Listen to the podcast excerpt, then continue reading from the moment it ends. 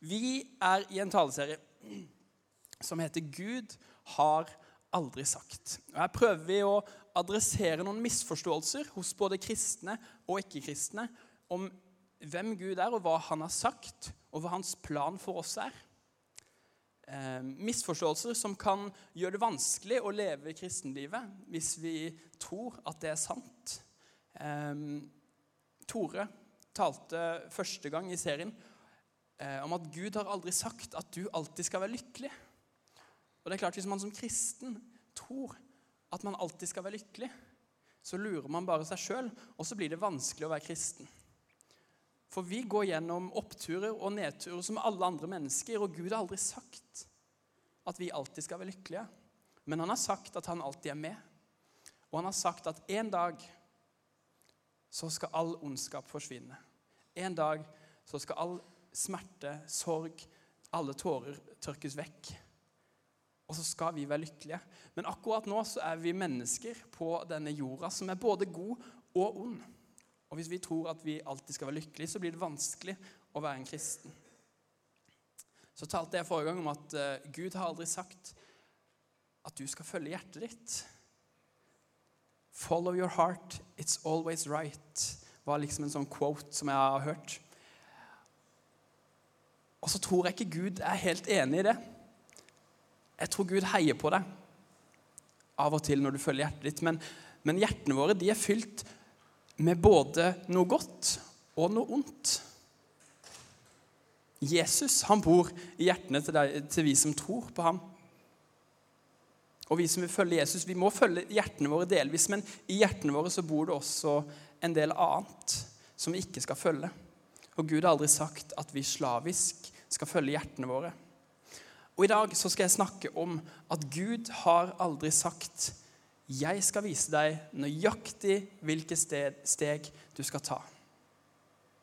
Gud har aldri sagt 'Jeg skal vise deg hvor du skal, og hva du skal, hva du skal jobbe med, og alt mulig sånn'. Som vi ofte tenker at Gud har sagt. Men Gud må vise oss hvor vi skal, og hva vi skal. Og i likhet med de to andre så er dette her en sannhet med modifikasjoner. Eh, av og til så viser jo Jesus oss hvor vi skal.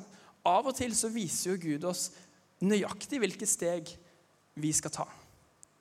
Men ikke alltid, og kanskje ikke på den måten som vi håper. Og Derfor tror jeg det er viktig å snakke om at Gud han har faktisk aldri sagt det. At han skal vise deg nøyaktig hvilke steg du skal ta. Kanskje tenker du at uh, at Gud skal vise deg hvilken skole du skal gå på. Kanskje går du i 7., 8., 9., kanskje til og med 10. klasse, men ikke vet helt hvor du skal neste år. Skal du på KVS, eller skal du på Eilert?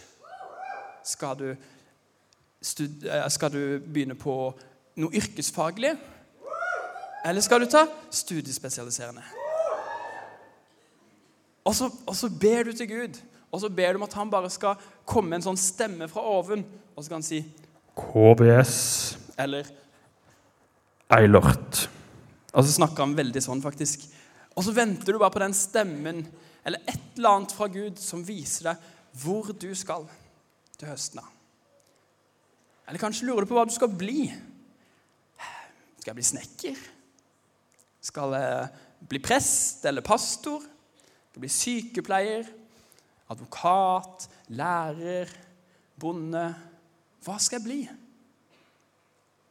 Og så venter du på at Gud skal vise deg hvilken plan han har for ditt liv. Og så venter du på å lukke øynene og håpe at du får et bilde inni hodet, kanskje. Enten en hammer eller en, eh, en eh, sykepleieruniform eller et eller annet som bare Yes! Nå vet jeg hvor du vil ha meg, Gud. Nå skal jeg bli det. Eller kanskje, bare kanskje, så sitter du og håper at Gud må snart vise meg hvem jeg skal bli sammen med. For jeg har så mange tilbud. Og de bare, de bare står i kø, ikke sant? Men jeg vet ikke hvem av de Gud vil at jeg skal være sammen med. Så jeg går og venter på at bare jeg skal gå med et lys fra oven ned over den ene personen jeg skal bli sammen med og gifte meg med og få tolv unger sammen med. Kanskje går du og venter på det, kanskje ikke så overdrevent og dramatisk, men du går og tenker liksom altså, er, det Guds, er det Guds vilje? Er det her Guds plan, at jeg skal være sammen med han eller med hun? Er det det Gud har for meg? Er det det Gud vil? Eller ødelegger jeg Guds plan nå? Jeg frykter Oi, jeg tror ikke jeg tåler vannmelon så godt. Jeg frykter at hvis du går og venter på noen sånne type tegn, så venter du like lenge som jeg venter på Ine når hun er på badet. Og det kan ta noen år. Jeg syns det bildet var veldig gøy. Um, og så er det ikke helt sant, for Ine er faktisk ikke treig på badet. faktisk, ikke i det hele tatt. Um, men jeg syns det bildet var gøy. Men jeg tror vi kan bli skuffa hvis vi går og venter på noen sånn helt tydelig, klare tegn. En stemme fra oven, et bilde i hodet, et eller annet. Og la meg bare få sagt det. Sånn kan Gud snakke til oss.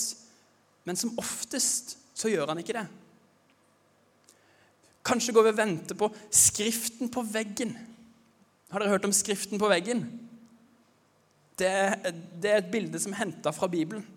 Der var det en mann som fikk skriften på veggen. Gud skrev, begynte å skrive på veggen foran en mann og ga han en beskjed.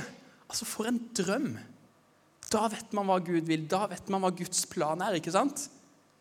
Er det noen som kunne tenkt seg det? Ja? Skal jeg fortelle dere noe som ikke alle vet, som bruker det uttrykket der? Det er at han som fikk den beskjeden, han fikk beskjed om at han skulle dø. Det er ikke så kul beskjed å få. Er vi enige i det? Ja, så Kanskje vi ikke skal gå og håpe på skriften på veggen, for det kan jo være at det er en dårlig beskjed. Men vi må være åpne for at Gud kan tale til oss og lede oss på andre måter. Jeg skal fortelle en liten historie. Eh, og nå har det blitt sagt litt, altså Dere kjenner Lyngdal. Eh, det tenkte jeg på forresten. Er det her fortsatt kommunevåpenet? Ja, det er det. Det var godt. Hvis ikke så hadde jeg drept meg loddrett ut. Og så er det her logoen til Ansgar bibelskole. Den har dere allerede hørt litt om. Dere skal få høre bitte litt til. God reklame for Ansgar i dag. Etter videregående så gikk jeg et år på Ansgar bibelskole. Og det var til da det beste året i livet mitt. Nå har jeg gifta meg og skal snart få barn, så jeg tror faktisk det bare går oppover herfra. Men fram til da så var det det desidert beste året i livet mitt. God undervisning, masse gode folk, mye chill. Ikke noe press, noe skolepress eller noe sånt. Det var bare kos. Koste meg maks. Eneste negative, og det har ikke så mye med Ansgar å gjøre, det var mest min egen reise, det var at jeg egentlig hadde lagt opp en plan som jeg tenkte, Den planen den er sikkert Gud fortrolig med. Altså, Jeg og Gud har lagt opp en plan om hva jeg skal videre i livet. Og Jeg skulle studere juss, og skulle bli advokat, og jeg skulle være en god, flott kristen med masse penger. Det var planen min. Så jeg tenkte når jeg er ferdig med Ansgar-skolen, så skal jeg komme meg inn på jusstudiet i Oslo eller et eller annet annet sted, og så skal jeg begynne å studere. Men i løpet av det året så skjønte jeg jo at det var kanskje ikke helt riktig motivasjon for å studere juss, det at jeg ville tjene mye penger. Og så fant jeg ut at ja, det er jo egentlig ikke så mye annet ved den jobben som tiltaler meg, så kanskje jeg skal finne på noe annet. Så jeg skrinla den planen som jeg og Gud hadde lagt. Jeg trodde i hvert fall det. Og så sto jeg plutselig helt på bar bakke. Skoleåret nærmet seg slutten og hadde ingen anelse om hva jeg skulle gjøre. Og da dukker de her to opp, vet du. For fra Lyngdal så får jeg plutselig et spørsmål fra en fyr som heter Markus Kvavik, som var ungdomspastor her før.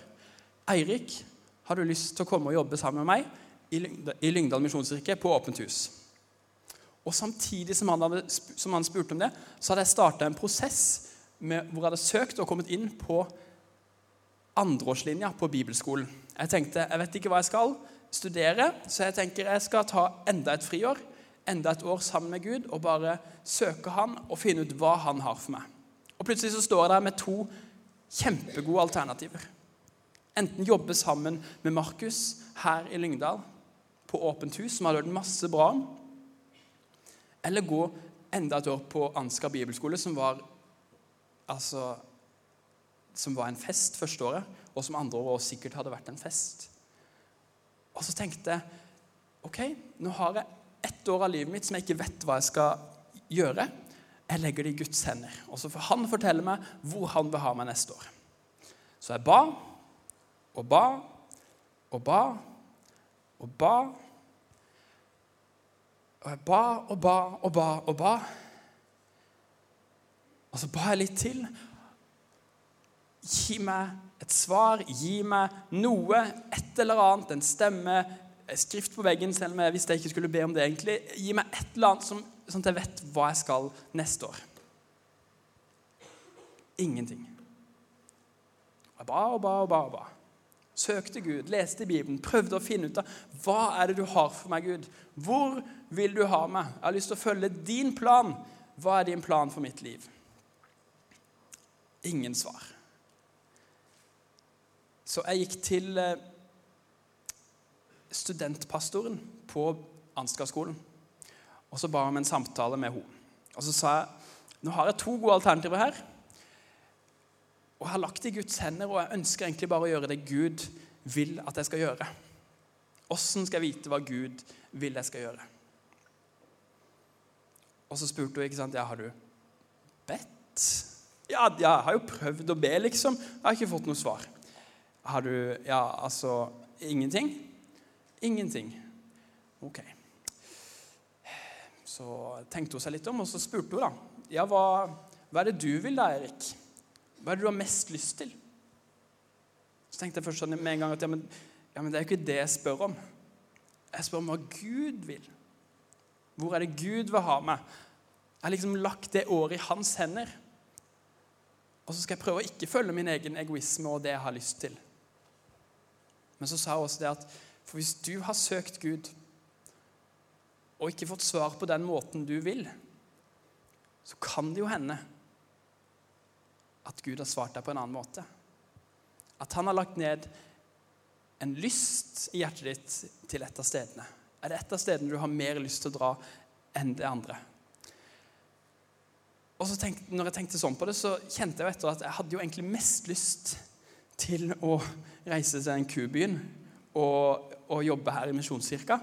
Så da gjorde jeg det. Så enkelt, allikevel så vanskelig. Og jeg tror Gud svarte meg, men ikke på den måten som jeg trodde eller som jeg forventa at han skulle svare meg på.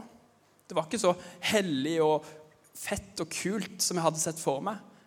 Men jeg tror det var Guds vilje at jeg endte opp her.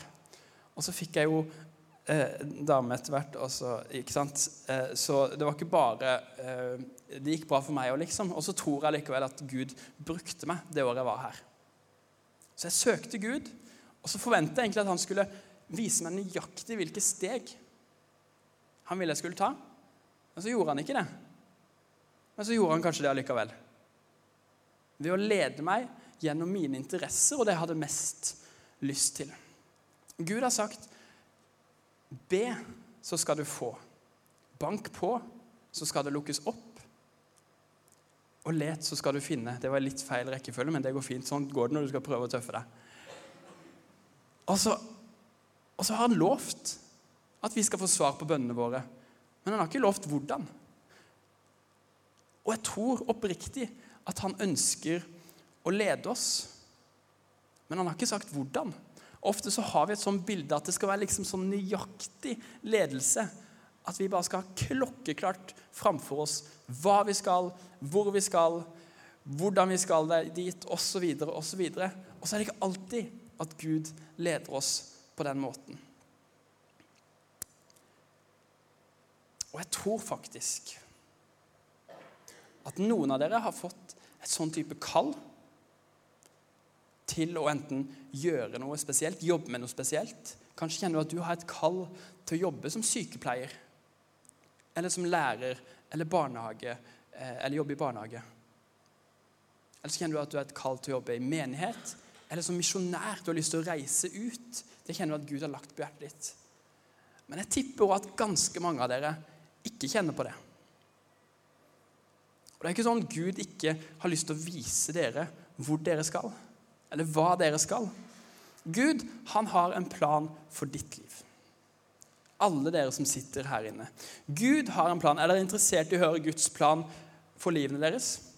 Dette gjelder enten dere ender opp i Lyngdal eller Arendal eller Tromsø eller Colombia eller hvor enn dere ender opp.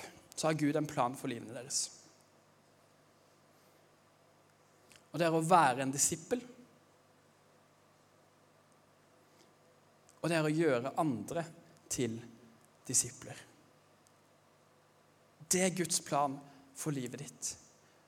Og det som er så fett med den planen der, det er at den kan du gjøre. Enten du går på KVS eller på Eilert. Enten du blir snekker eller prest. Enten du er sammen med ho eller ho. Den kan du gjøre uansett om du er i Norge eller om du er i Brasil. Vær en disippel og gjør andre til disipler. Det er litt fancy ord på det. Det betyr egentlig bare 'hold deg nær til Jesus'. Det er det det betyr å være en disippel. Gå tett på Jesus, lær av han, og hold deg nær til han. Gjør andre til disipler. Det gjør vi ved å snakke om Jesus. Vise Jesus i hverdagen, på jobben, på skolen, der vi er. Vær en disippel og gjør andre til disipler. Når Jesus skal oppsummere det som eh, de på Jesu tid kalte for loven og profetene, som vi i dag kaller for Gamle testamentet, når han skulle oppsummere det, sier liksom hva er de viktigste buda i loven, så sier han det at du skal elske Herren din Gud av hele ditt hjerte og av hele din sjel og av all din forstand. Dette er det eh, største og første budet men det andre er like stort. Du skal elske de neste som deg selv. Vær en disippel. Elsk Gud. Hold deg nær til Han. Og gjør andre til disipler. Elsk andre mennesker. Vis dem den kjærligheten du har fått fra Gud, og som du har til Gud. Vis dem den. Og så vil noe skje. Gud, han har aldri sagt jeg skal vise deg nøyaktig hvilke steg du skal ta. Men Gud har en plan for ditt liv. Gud ønsker at du skal følge han, og han ønsker at du skal være en disippel av han. En som kan peke på han for andre mennesker. Og det kan du gjøre uansett hva du ender opp med å jobbe med, hvor du ender opp i verden, og hvem du ender opp sammen med. Vær en disippel og gjør andre til disipler. Jeg skal be. Kjære Jesus, takk for at, eh, takk for at din plan er eh, større enn bare hva vi skal neste år, eller hvilken by vi skal bo i, eller eh, hva vi skal jobbe med. Jesus, din plan går dypere, og den går bredere. Du ønsker at vi skal følge deg, og takk, Jesus, for at vi kan gjøre det uansett hvor vi er, og hva vi gjør. Hjelp oss å være gode disipler av deg. Hjelp oss å leve nær til deg, også når det blir sommerferie nå. Og hjelp oss å peke på deg for andre mennesker, sånn at de kan bli kjent med deg og oppleve den kjærligheten du har til oss.